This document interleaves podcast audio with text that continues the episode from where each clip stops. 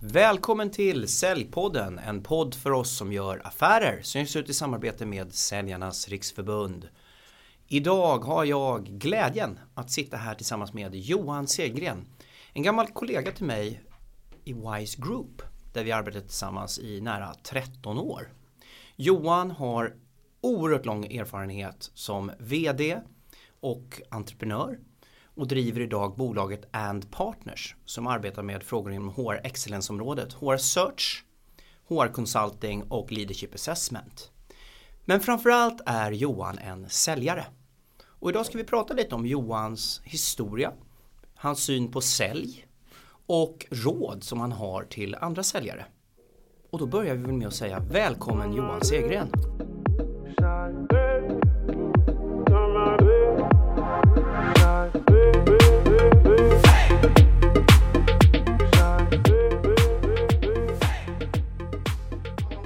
Så mycket Ken Skog. Härligt att sitta här och prata om någonting så relevant som affärer och sälj. Det är jäkligt kul.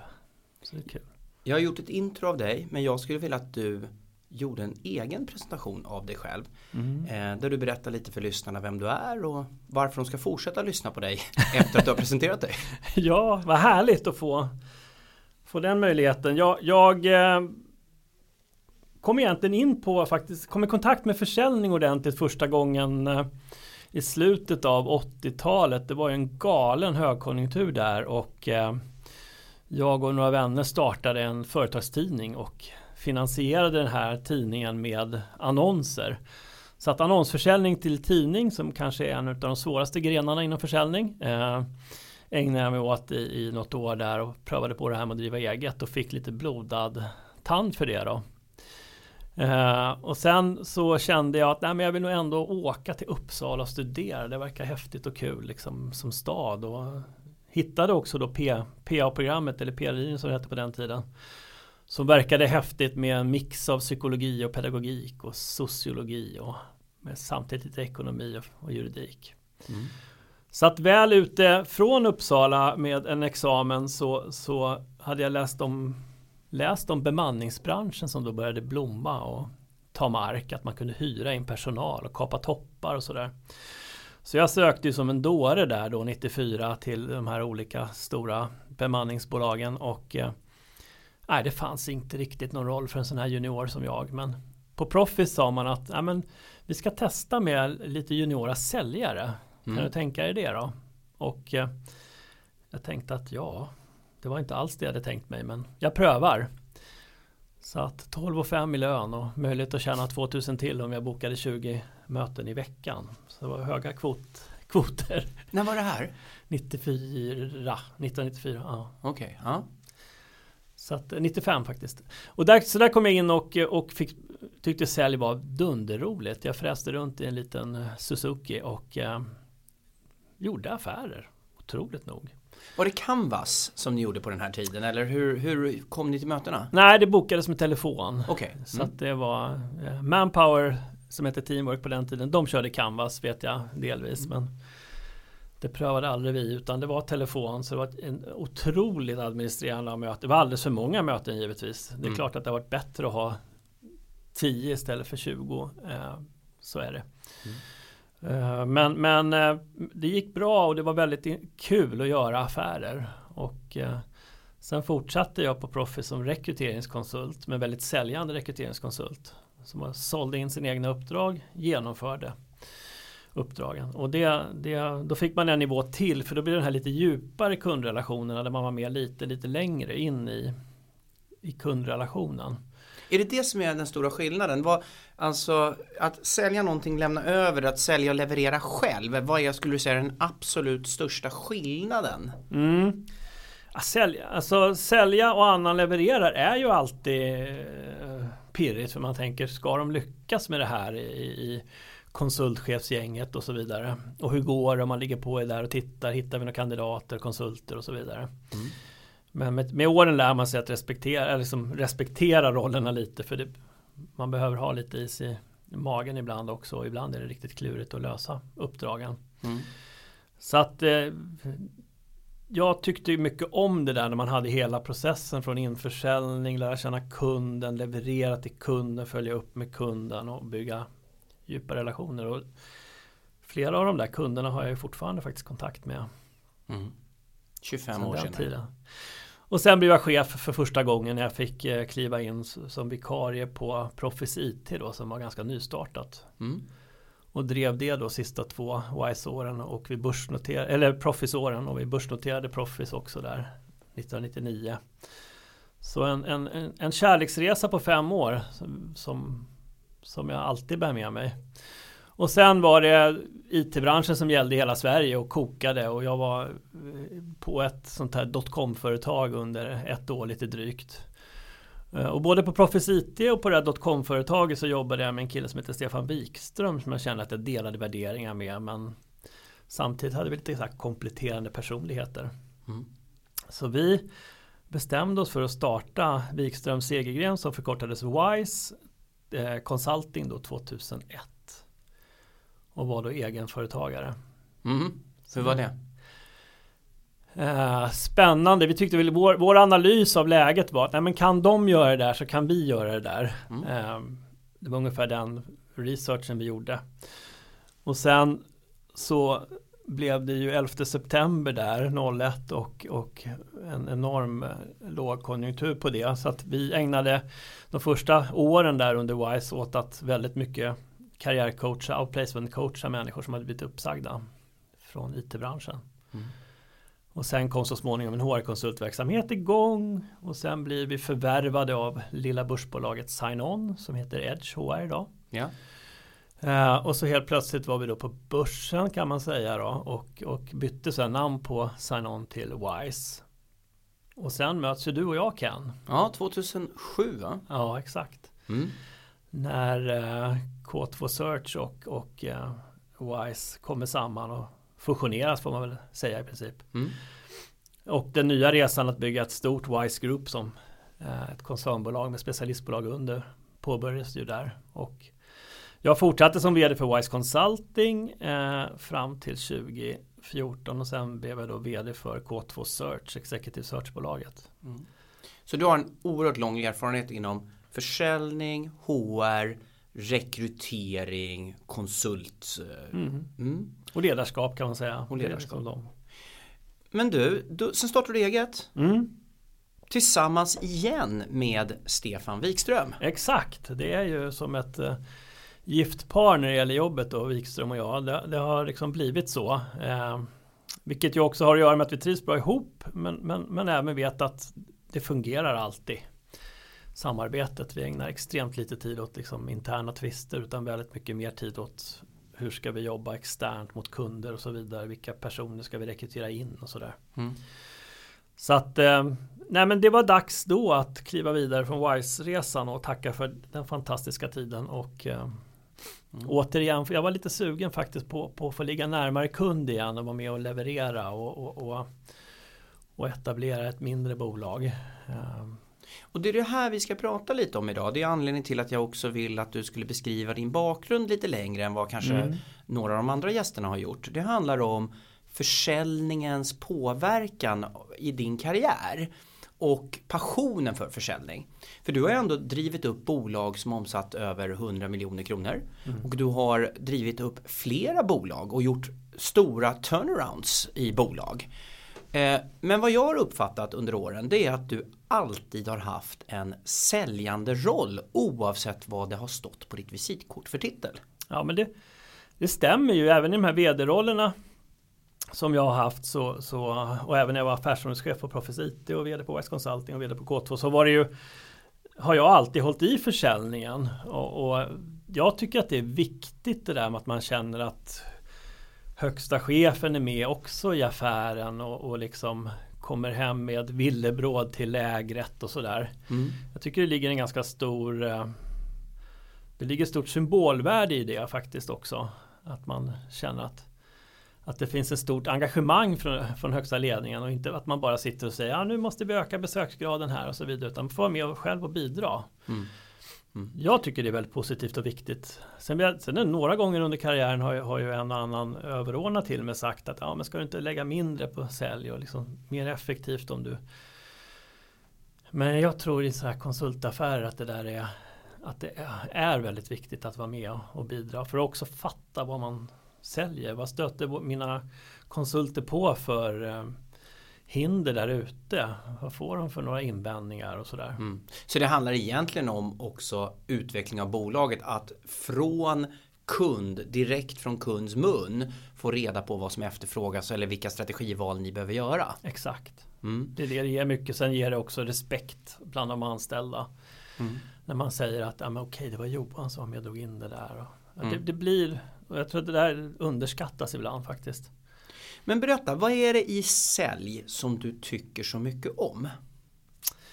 Ja, men jag tycker ju om människor och den här sociala interaktionen och så. Det var därför jag läste, läste P-linjen eh, för att för jag tycker sociologi och gruppdynamik, eh, psykologi och sådär är väldigt, väldigt spännande.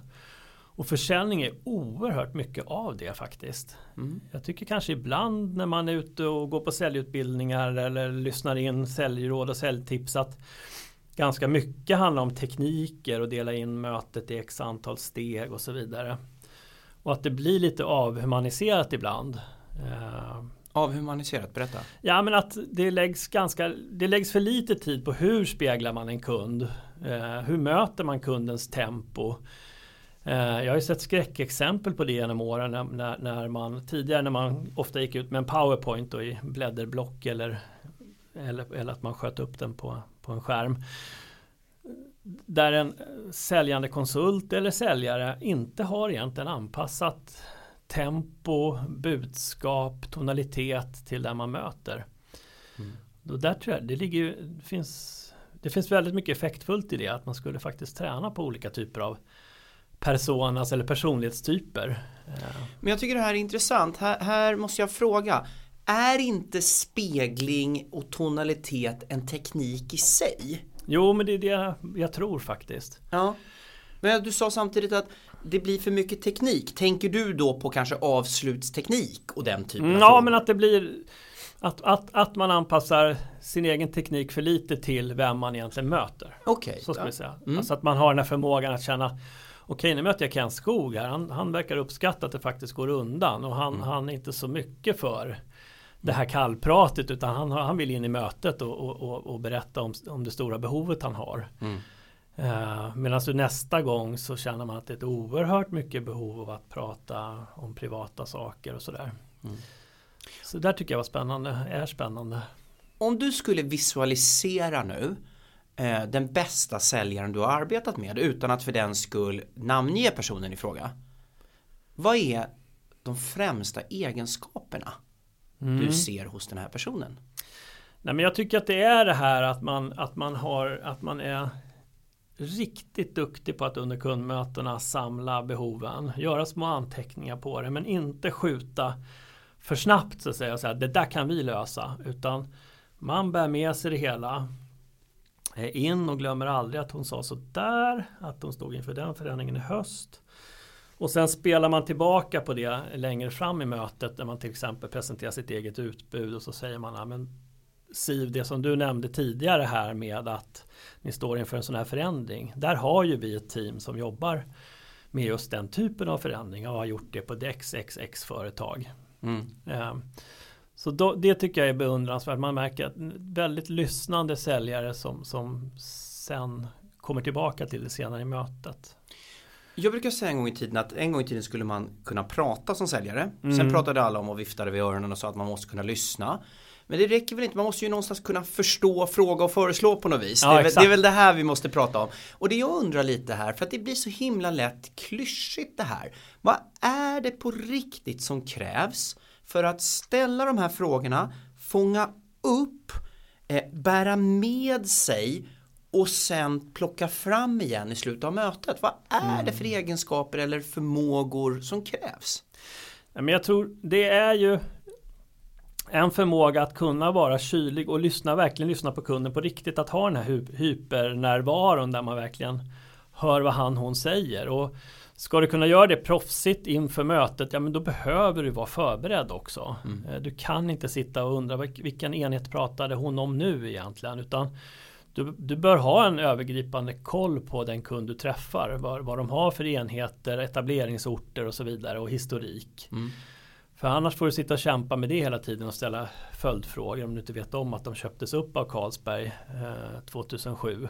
Mm. Um, så det, det, är väl en av bitarna att vara förberedd som är gammalt klassiskt säljråd. Uh, det, det, är, det, det, tror jag är jätteviktigt.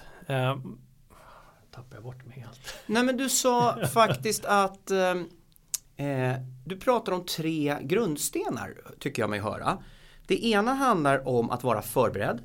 Det andra handlar om att hyperlyssna så att säga. Och det tredje handlar om kylighet. Mm, jättebra sammanfattat faktiskt. Att, att kunna vänta in och sen sälja på slutet. Och där vet jag ju bland annat faktiskt Ken att om jag ska ge dig lite cred här i den här podden. Kärlekspodden. Så har ju du varit noga med det här våga fråga efter affären.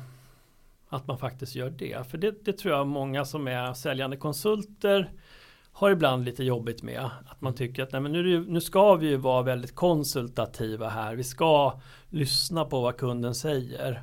Mm. Och sen blir det där vridet för långt åt andra hållet. Så att man frågar inte efter en affär. Man säger inte Bra. När du har hört mig berätta om det här Ken. Vad känner du utifrån er verksamhet skulle kunna vara intressant att prata mer om? Mm. Mm. Den typen av frågor eller det där behovet du nämnde av en interim försäljningschef. Eh, ska vi fördjupa oss lite mer i det? Hur ser det ut? Mm. Jag tror att vi, vi har pratat en hel del om det i den här podden. Dels för att jag brinner lite för det men dels för att jag tror att fler och fler börjar fokusera på den här delen inom försäljning och det handlar ju om mindset och jag tror att man måste någonstans tänka att om det är ett samarbete man vill uppnå kund-leverantör mm då står man i jämnhöjd och tittar i jämnhöjd på varandra. Och då är det ju en förmån för både kund och mig att få till den här affären. Ja. Det är ju själva poängen. Och om jag då inte frågar om affären utan snarare upplevs som att jag kanske inte riktigt vill ha den då tror jag det lämnar nästan ett tomrum ja. hos dem jag pratar med. Det, det har varit mitt mindset i tio år. Eh, sen gör man mycket misstag. Jag tänker så här kopplat till dina tankar kring det här om man ska vill, är säljare idag. Mm. Och så vill man bli chef, man kanske vill göra en karriär och bli VD eller ta sig in i en styrelse. Har man nytta av försäljningen och på vilket sätt? Man har en enorm nytta av försäljningen för jag tycker att kunna försäljningen, ha egna erfarenheter från det området är det som gör att du sen också kan bygga en framgångsrik affär. Det, både när det gäller så att sätta budgetar, titta på marginaler och så vidare. För att du får en koll på vad är realistiskt egentligen. Och det tror jag många lider av som själva inte har varit på försäljningssidan utan man, man dikterar ut någonting som man har lärt sig i skolbänken. Eh, och det blir inte samma trovärdighet eller säkerhet i det. Så jag tycker försäljning, eh, dels är det den biten men sen att man också det, det, skapar liksom en, en, en rapphet eh, mm. och ett tempo som man har glädje av sen i chefsrollen när man har väldigt många olika frågor som, som dyker upp samtidigt. Utveckla. Ja, men jag tycker man tränar upp det här, den här kapaciteten att hålla många bollar igång samtidigt när man är i försäljnings, eh, skarpa försäljningssituationer. Mm. För där sitter du väldigt fokuserad eh, allt från 30 till, till minuter till två timmar. Och du ska fånga upp bollar, du ska hinna tänka lite taktik i ditt huvud eh, samtidigt som du rör samtalet eh, framåt. Mm. Eh, och det där har du ju också väldigt mycket, den split vision har du också nytta av sen som chef och ledare. Mm.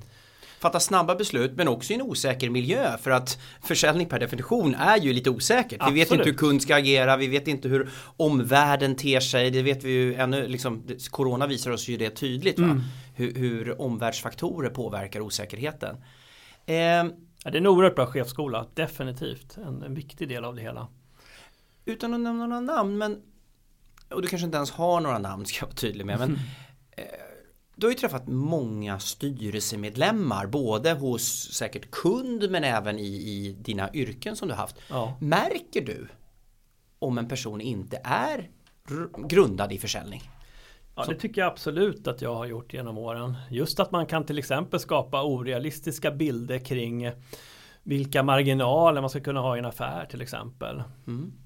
Uh, där man själv, om man då står med, med fötterna i myllan så vet man att nej, men det där är inte realistiskt. Vi kommer inte kunna leverera så. Alla kommer inte vara friska samtidigt och maxleverera sina budgetar. Någon kommer överträffa, någon mm. kommer under, eh, underprestera eh, och någon annan kommer att bryta benet. Mm. Så att Nej, det, det, har man känt av ibland att när människor inte kan försäljning som yrke och jag har också eh, coachat en av de absolut största påläggskalvarna på ett bolag inom snabbrörliga konsumentvaror.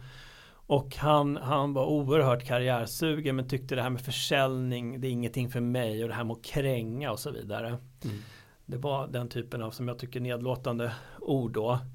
Eh, han nådde liksom inte toppen på grund av det där för att han kunde inte i Det betydde så mycket i den organisationen att man faktiskt hade varit ute och jobbat med, med försäljning. Så att eh, jag blir alltid lika ledsen när jag hör någon som säger att nej försäljning kan jag nog inte tänka men jag är ju inte någon krängare sådär. Jag, jag förstår, man hör det fortfarande liksom, mm. 2020. Jag är mm. dödstrött på det. Mm. Jag tror att det här avsnittet kommer jag nog döpa till stolthet eh, inom försäljning. Ja. För att jag var på Sales Conference för något år sedan, då var Daniel Pink där och gjorde samma sak som jag har gjort i massa år. Det är att jag har frågat runt vilka ord man associerar till sälj. Mm. Och då säger han att det ordet han hörde mest när han hade frågat massa människor, det var ordet ugg. Och jag hör ordet, liksom ugg betyder ju värdelöst egentligen. Ja. Och krängare är ett ord jag hör och det kommer automatiskt hos vissa personer. Vad är det för mm. ord du skulle vilja, eller du får använda flera ord.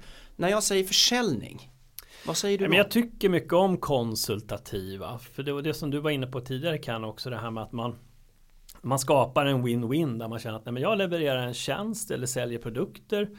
Kunden har glädje och nytta av det. Det är ju dit vi vill och det är där man oftast är.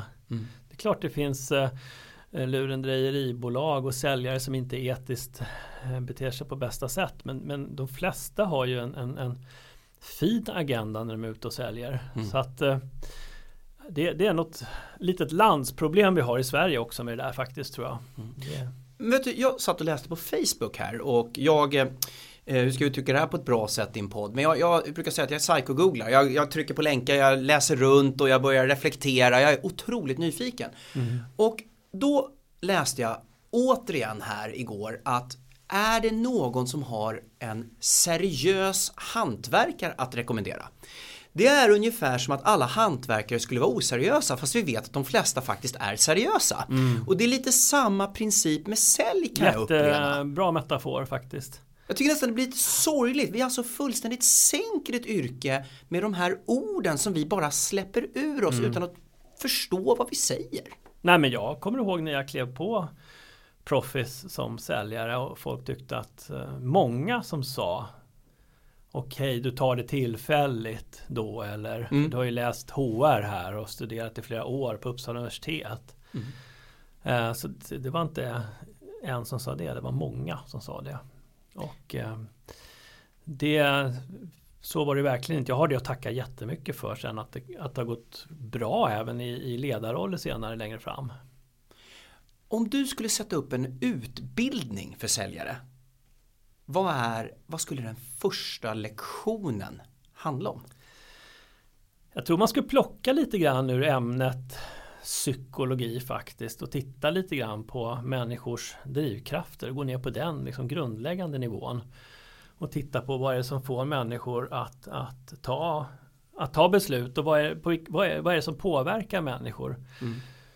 Uh, så att, för, det, där, det där du säkert också sagt kan genom åren att ja, men första intrycket, hur du är klädd och sånt här påverkar till 22 procent och man har liksom försökt uh, göra vetenskap av det där. Men jag tycker nog att det där med drivkrafter och vad man, vad man gillar hos en människa och hur man vill bli bli bemött av en säljare är, är sånt som jag skulle nog mm. djupa i då faktiskt. Väldigt roligt att du lyfter det här. Vi har ju två avsnitt inspelade just om det här med drivkrafter. Jag tycker själv att det här är väldigt viktigt för jag tror att våra drivkrafter påverkar också hur vi väljer att använda de tekniker som vi lär oss. Och har vi då fel drivkrafter och fel lärare då kan det ju bli väldigt, väldigt tokigt kanske om vi ska skapa förtroende hos kund. Så jag tror jag skulle också börja där. Mm. Eh, tycker det faktiskt det är härligt att du lyfter det. Det var en fråga som jag satt och funderade på när vi sitter och tittar på varandra och det klarar ja. bra, bra tycker jag.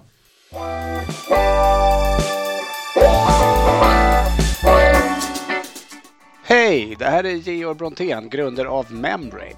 Att du lyssnar på den här podden tycker jag är ett tecken på att du vill lära dig nya saker och är stolt över ditt jobb som säljare eller säljchef. Den stoltheten delar jag med dig. Som entreprenör och bolagsbyggare vet jag att utan försäljning så händer ju ingenting. Det är min övertygelse att det är hur vi säljer som är skillnaden som gör att vissa lyckas medan andra misslyckas. Och det här kommer bli ännu tydligare i framtiden, särskilt inom B2B-försäljning. Tyvärr så är det så att de flesta CRM-verktyg som säljare tvingas använda idag inte utvecklades med den här insikten. Därför så har de inte blivit mycket mer än glorifierade adressböcker. Och kanske var det här tillräckligt när ni valde det CRM-system som ni använder idag. Men det kommer inte vara tillräckligt i framtiden om ni vill bli bäst. Därför har vi på Memrin utvecklat ett system som går bortom att logga information och istället fokuserar på hur ni ska arbeta med försäljning för att vinna fler affärer och skapa konkurrensfördelar. För framgång inom professionell försäljning handlar om att utveckla människor och arbetssätt, inte bara databaser. Låter det här intressant? Maila oss då på kontakt.membrane.com eller besök www.membrane.com för att lära er mer. Men du, eh, vad är det för saker som du tycker att en säljare absolut inte borde göra? Mm. Ja, men jag, har, jag har väl stött på ganska så många ändå genom åren som, som, som liksom tar för mycket plats i kundmötena. Ibland för att man kanske rent allmänt i livet har problem med att man vill höras hela tiden. Men ibland också för att man blir carried away av att det är så spännande eller man brinner så fantastiskt mycket för det som ens eget företag levererar. Mm. Eh, så att man hamnar man blir liksom intern ute hos kunden mm. och det är inte bra. Nej. För kunden vill inte, alltså det, det, kunden är inte, kanske inte jätteintresserad av det här, vem, vad den hette som hade gjort det här på firman och så vidare. Mm. Så där tycker jag att, att slå till sig lätt på kinden helt enkelt innan man går in och, och mm. vara extern. Jag sitter här och ler lite grann för jag tyckte själv när jag ställde den här frågan att den var faktiskt riktigt, riktigt dålig. Men jag tyckte å andra sidan att svaret var riktigt, riktigt bra. Så jag är väldigt glad att den här frågan ställdes. För jag ja. tror också att man kan gå igång ibland Absolut på sin egen förträfflighet eller på att höra sin egen röst. Men jag kan komma på mig själv ibland, tyvärr fortfarande, att jag går igång så mycket på att hjälpa kunden. Mm. Så att jag går igång i kundens framgång nästan och möjligheter nästan mer än vad kunden gör. Ja, det här man... får jag jobba med. Ja men det är, det är lite det här att bli carried away. Som, ja. Det är samma tema där va? Mm. Att försöka hålla i tömmarna sitter jag och försöker visa här. Jag tror inte så många av er som ser det då. Men... Ja, vi har båda radioutseenden här så att vi, det, det, är därför vi kör podd. Ja. Nej men eh, så att det där, det där med vad man skulle titta på säljmässigt och, och, och Nej, men jag tycker också en sak som man kan nämna när det gäller det här med försäljning som det inte pratas så mycket om i utbildningarna. Det är också ofta möjligheterna för, nu beror på vad man säljer. Men säljer man till exempel konsulttjänster inom rekrytering som är ganska relevant för min historik och bakgrund.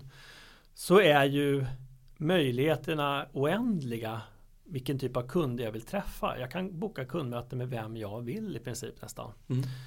Och det är ju en underbar känsla. Mm. Och det där tror jag man gör lite för lite genomtänkt emellanåt. Jag vet att jag på Proffes-tiden hade till exempel Kista-veckan. Att jag mm. liksom hängde i Kista flera veckor. Bara att jag kallade det för Kista-veckan gjorde att många kunder ville träffa mig. För jag var ju ändå där ute liksom. Mm. Kanske lite gammalt tricks, jag vet inte om det funkar 2020. Men det här med att fördjupa sig i branscher är också väldigt intressant och kul. Ja. Mm. För att lär du dig, en, du är ute och träffar två företag i en aktuell bransch och sen när du träffar trean så kan du massor med mer. Mm. Eh, så, så där skulle man kunna laborera med tycker jag lite mer än vad man, än vad man gör. Då. Lite mer kreativt i Ja. segmenteringsprocessen. Faktiskt. Mm. Det kan vara svårt om man sitter på Mondelez och liksom har ICA och Coop och möjligen Lidl och sådär. Mm. Men, men i många branscher har man ju ändå möjligheten att jobba rätt brett faktiskt. Men här lyfter du också någonting som jag tycker är väldigt intressant och här vill jag nästan liksom utmana dig lite grann. Du körde Kistaveckan och så säger du i en bisats Jag vet inte om det skulle fungera nu kanske. Nej. Varför skulle det inte fungera nu? Nej, det skulle säkert fungera. Det kan absolut vara så. Det här är väldigt ledande vilket jag försöker undvika Ja. i podden även om det blir så. Men är det inte väldigt mycket som fungerade tidigare som går att göra på nästan samma sätt fast med nya kanaler idag? Jo, eh, jag kan ju dra det när det gäller And Partners. Vi valde ju i, i tider där väldigt många väljer att marknadsföra sig med, via seminarier eller digitalt och sådär. Vi har gjort en del grejer på LinkedIn men men vi valde faktiskt att säga att nej, men vi ska göra hundratalet kundmöten, alltså riktiga kundmöten. En timme, en timme och en kvart, 45 minuter ibland. Eh, för att lyssna in också vilka trender man ser på HR-sidan, hur känns där ute. Mm. Och jag måste säga att den här, de här personliga klassiska kundmötena var ju glimrande, både roliga och lärorika men också framgångsrika faktiskt. Man Mm. fick, så att det är lite lätt med teknikens hjälp att man tänker att nej men eh, den där typen av kundmöten behöver man inte ha längre. Mm. Och det tror jag är lite farligt. Ja, i och med att du har lyft det tidigare att som VD så är kundmötena mycket också av ett lärande. Förutom att komma till avslut och göra affärer så är det ett sätt att lära sig. Och då blir ju den här typen av interaktion med kund. Sen om det sker idag digitalt men ett one-to-one möte så att säga. Absolut, det är ju samma. Jag ser ju ett Teamsmöte idag som ett live-möte i princip. Mm. Eh, Jag tänkte summera, sen får vi se om du har någonting att lägga till. Men du har pratat om faran att faktiskt gå igång på sin egen förträfflighet eller gå igång på att lösa kundens alla problem som man nästan tar över mötet. Du har också pratat om styrkan i att hyperlyssna, att vara kylig och att komma förberedd till kunden. Har jag uppfattat dig rätt under? Helt rätt, absolut. kan vi grotta ner lite i det här med att komma förberedd? För att här finns det som två skolor. Man säger så här. Nej, du ska ko- eller tre kanske till och med. Nej, du ska komma totalt oförberedd. Eh, det tar alldeles för lång tid att läsa på. Eller du ska kunna precis allting eh, någonstans. Hur, och den tredje är någonstans var väldigt aktsam med att ställa frågor som du borde veta svaren på. Jag vet inte hur man ska måla upp de här tre. Vad är det vi ska läsa på om och vad behöver vi inte vara pålästa om? Ja, det finns ju sådana enkla källor att läsa på med ett företag idag. Så är det ju definitivt. Om, om, om man ska ut nu till, till eh, Electrolux är kanske lite för känt bolag men Munters som är ändå börsbolag. Jag kan dem absolut inte mer än att jag vet att de är ett välkänt börsbolag och det kanske är någonting med avfuktning och ventilation möjligen eller så är det något helt annat. Eh, Okej, jag ska träffa dem imorgon. Ja, men då behöver jag jag skulle säga att det handlar om 20 minuter Mm. för att se liksom historiken, inriktning, geografisk närvaro, affärsområdena. Finns det någonting i, i affärspressen om de senaste åren liksom, eh, som är värt att känna till? Eh, och, och ofta kan man ju faktiskt visa kunden att man har lite koll också. Så att, ja, men jag kom, ja, just det, ni hade ju faktiskt en större avyttring av en verksamhet där för ett par år sedan. Hur har Mm. det funkat då? Är det för att visa då att du faktiskt har engagerat dig i den här kunden Ja, det är det faktiskt. Absolut. Hur använder du det? För jag använder det ofta för att jag blir väldigt nyfiken när jag läser på för Mm. att formulera följdfrågor till det jag läst kring. Jobbar du på samma sätt? Att du läser på kring den du ska träffa och företaget och tänker att ah, det här vill jag veta mer om, om det nu är relevant. Precis, Mm. det, de, det kommer man ofta fram till. Men det handlar också om att inte hamna i en situation där någon säger att nej men vad kan du om oss då? Det har ju hänt Mm. mig tidigt i karriären. Så att, Mm. Så den delen är egentligen ren självbevarelsedrift. ja det är det. Men, Mm. men, nej, men du, du blir ju mycket kunnig. Du blir ju mer relevant i hela mötet. Mm. Sen när du kan dra Mm. paralleller till det man har läst på. Mm. Men, men, men samtidigt som du var inne på Ken själv där. Överförberedd. Nej men man har ju förstås oftast inte tid att, att lägga timtal av research. Det finns ju de som har misslyckats ganska rejält inom försäljning genom att bara researcha och sen blir det aldrig någon, någonting ute på inga mål ute på isen liksom. Så att, eh, Tror du det beror var någonstans i säljprocessen vi är? Är det första telefonsamtalet till någon? Ja, då får man läsa på några minuter kanske. Är det Mm. första kundbesöket kanske 20 minuter? Är det, börjar vi gå till ett affärsförslag? Ja, då är det väsentligt mer tid beroende Mm. kanske på vilken affär du driver. Men det är viktigt att tänka igenom. Vad är det jag behöver veta och när? absolut. Du Johan, innan vi stänger ner den här inspelningen för idag. Om, Mm. Du får inte summera på samma sätt som jag har gjort nu förstås. Utan nu får ju du summera och skicka med någonting till lyssnarna som du känner att tänk på det här. Ja, men jag tycker att det är upp på högsta ledningsgruppsnivå och till styrelser så är det dags att se till att de också är med i den här resan att, att, att hela tiden uppvärdera säljyrket faktiskt. Till den rätta statusen som det har. För det har en extrem påverkan på, på affärer för hela vårt näringsliv. Vilket i sin tur påverkar hela, hela våra samhällen. Va? Så att eh, säljare är, är i många fall eh, fantastiska hjältar. Eh, så det vill jag skicka med mig. Sen, sen tycker jag det är ett jättespännande område att lyssna eller diskutera. Och jag ser ju som sagt var psykologin att titta på det här. Man kan också jobba ute på säljenheter, säljavdelningar med att verkligen träffa olika typer av personas. Det här med Mm. att man gör låtsasfigurer. De här tre, fyra kunderna har vi. Det är liksom är Listiga Lisa. Ja exakt, Mm, mm. precis så. Räviga Mats och så vidare. Mm. Eh, det tycker jag är bra träning, lite grann som kopplar an till det här med psykologin. Då. Mm. Och sen glömde jag ju säga det, man ska alltid tacka för mötet också. Det Ja. gör ju jag alltid mejlledes sådär. Ja men det, det är faktiskt en viktig del för vi pratar om det här med första intrycket Mm. Men jag brukar också prata om sista intrycket och, och någonstans när du går ut från mötet och efter mötet att det finns ett engagemang efter Exakt. mm. Och du fångar kanske ofta något behov som dök upp hos kunden när du har lämnat. Jobbar du likadant idag liksom? Så har du jobbat likadant i alla år? Nej, det, det, jag tycker man plockar på sig, man lär sig av andra hela tiden. Mm. Jag har ju snott något av dig och jag har lärt mig av andra och egna misstag. Man lär sig av sig själv och av andra. Och så blir man kanske lite bättre hela tiden då. Sen gäller det så här när man uppnått ålder 51 som jag har nu, då får man ju också titta lite grann på det är, det är ju lika mycket att lära sig från de som är yngre eller hänga med i trender som sker med, med kombinationsförsäljning av digitalt och analogt. Påläst och påställd. Du Johan, en sista fråga innan vi stänger ner då. Eh, Du har jobbat med HR i i stort sett hela ditt vuxna liv. Även om du har varit med försäljning och HR. HRs syn på försäljning. Hur har den förändrats de senaste 20 åren? Går det att uttrycka väldigt kort och koncist? Jag tycker väl hela HR-professionen har ju professionaliserats. Alltså den har gjort en resa i lednings, i, i, i, in i ledningsgruppsrummen i de flesta liksom, företag med lite storlek. Eh, och, och liksom själva utbildningen har ju också professionaliserats och skrået som sådant. Tidigare var det ibland lite sådär. I början när jag sålde gentemot HR, det var ganska ofta så att eh, men, han är HR-chef, tidigare var han liksom kvalitetschef eller sådär va. Mm. Det ser man ju nästan aldrig idag. Eh, Men jag, jag vet att väldigt många som inte har HR-utbildningen själva men som säljer mot HR tycker att det är ganska svår målgrupp att möta. Mm. Att, den, att de ställer tuffa frågor och att man inte får någonting gratis och så vidare.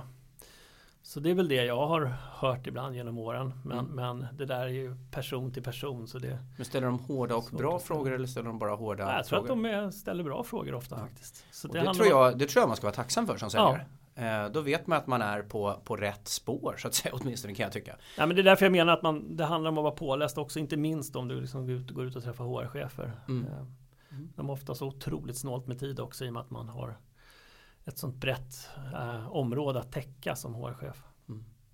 Jätteroligt. Jag ville verkligen ha med en framgångsrik entreprenör. En person som har arbetat med VD med stort personalansvar som berättar om stoltheten kring försäljning och som faktiskt har arbetat hela sitt liv med försäljning oavsett position. Jättetack för att du var med här idag Johan. Det var inspirerande och lärorikt tycker jag i alla fall. Ja, det var jättekul att få vara med och härligt att få prata om det här ämnet som ligger varmt i hjärtat. Supertack Jan. Kul! Jag ska avsluta med att berätta en liten rolig historia om spegling som jag faktiskt kom att tänka på precis nu. Och det var 2006 så var jag ute med en kollega som hette Anders och Anders var en person som hade ett yvigt rörelsemönster. och fantastisk säljare. Och så träffade vi en kund med ett oerhört yvigt rörelsemönster. Och Anders var duktig på att spegla men problemet för Anders var, var att han var ju tvungen att växla upp nu sitt rörelsemönster. Så han satt ju som en väderkvarn på det här mötet och det rök ju flaskor och glas på det här bordet. Eh, och det var den största affär vi hade fått in men det blev nästan bisarrt när tekniken kom över. Men Shit, det här är en story jag minns. Anders, han kunde verkligen anpassa sig, men den här gången blev det nästan too much. Ja, det är underbart. Ja, jätteroligt. Du vet vem det här är faktiskt. Ja, ja. Ja, en hyllning till Anders om du lyssnar på det här avsnittet för att du har lärt mig mycket även om det blir fel just det här tillfället. Kurs 1 i spegling, ja det är underbart. Stort tack för att ni har lyssnat på Säljpodden, en podd för oss som gör affärer, syns ut i samarbete med Säljarnas Riksförbund. Och hörni, som jag brukar säga på slutet i dessa tider, ta hand om er själva. Side, baby.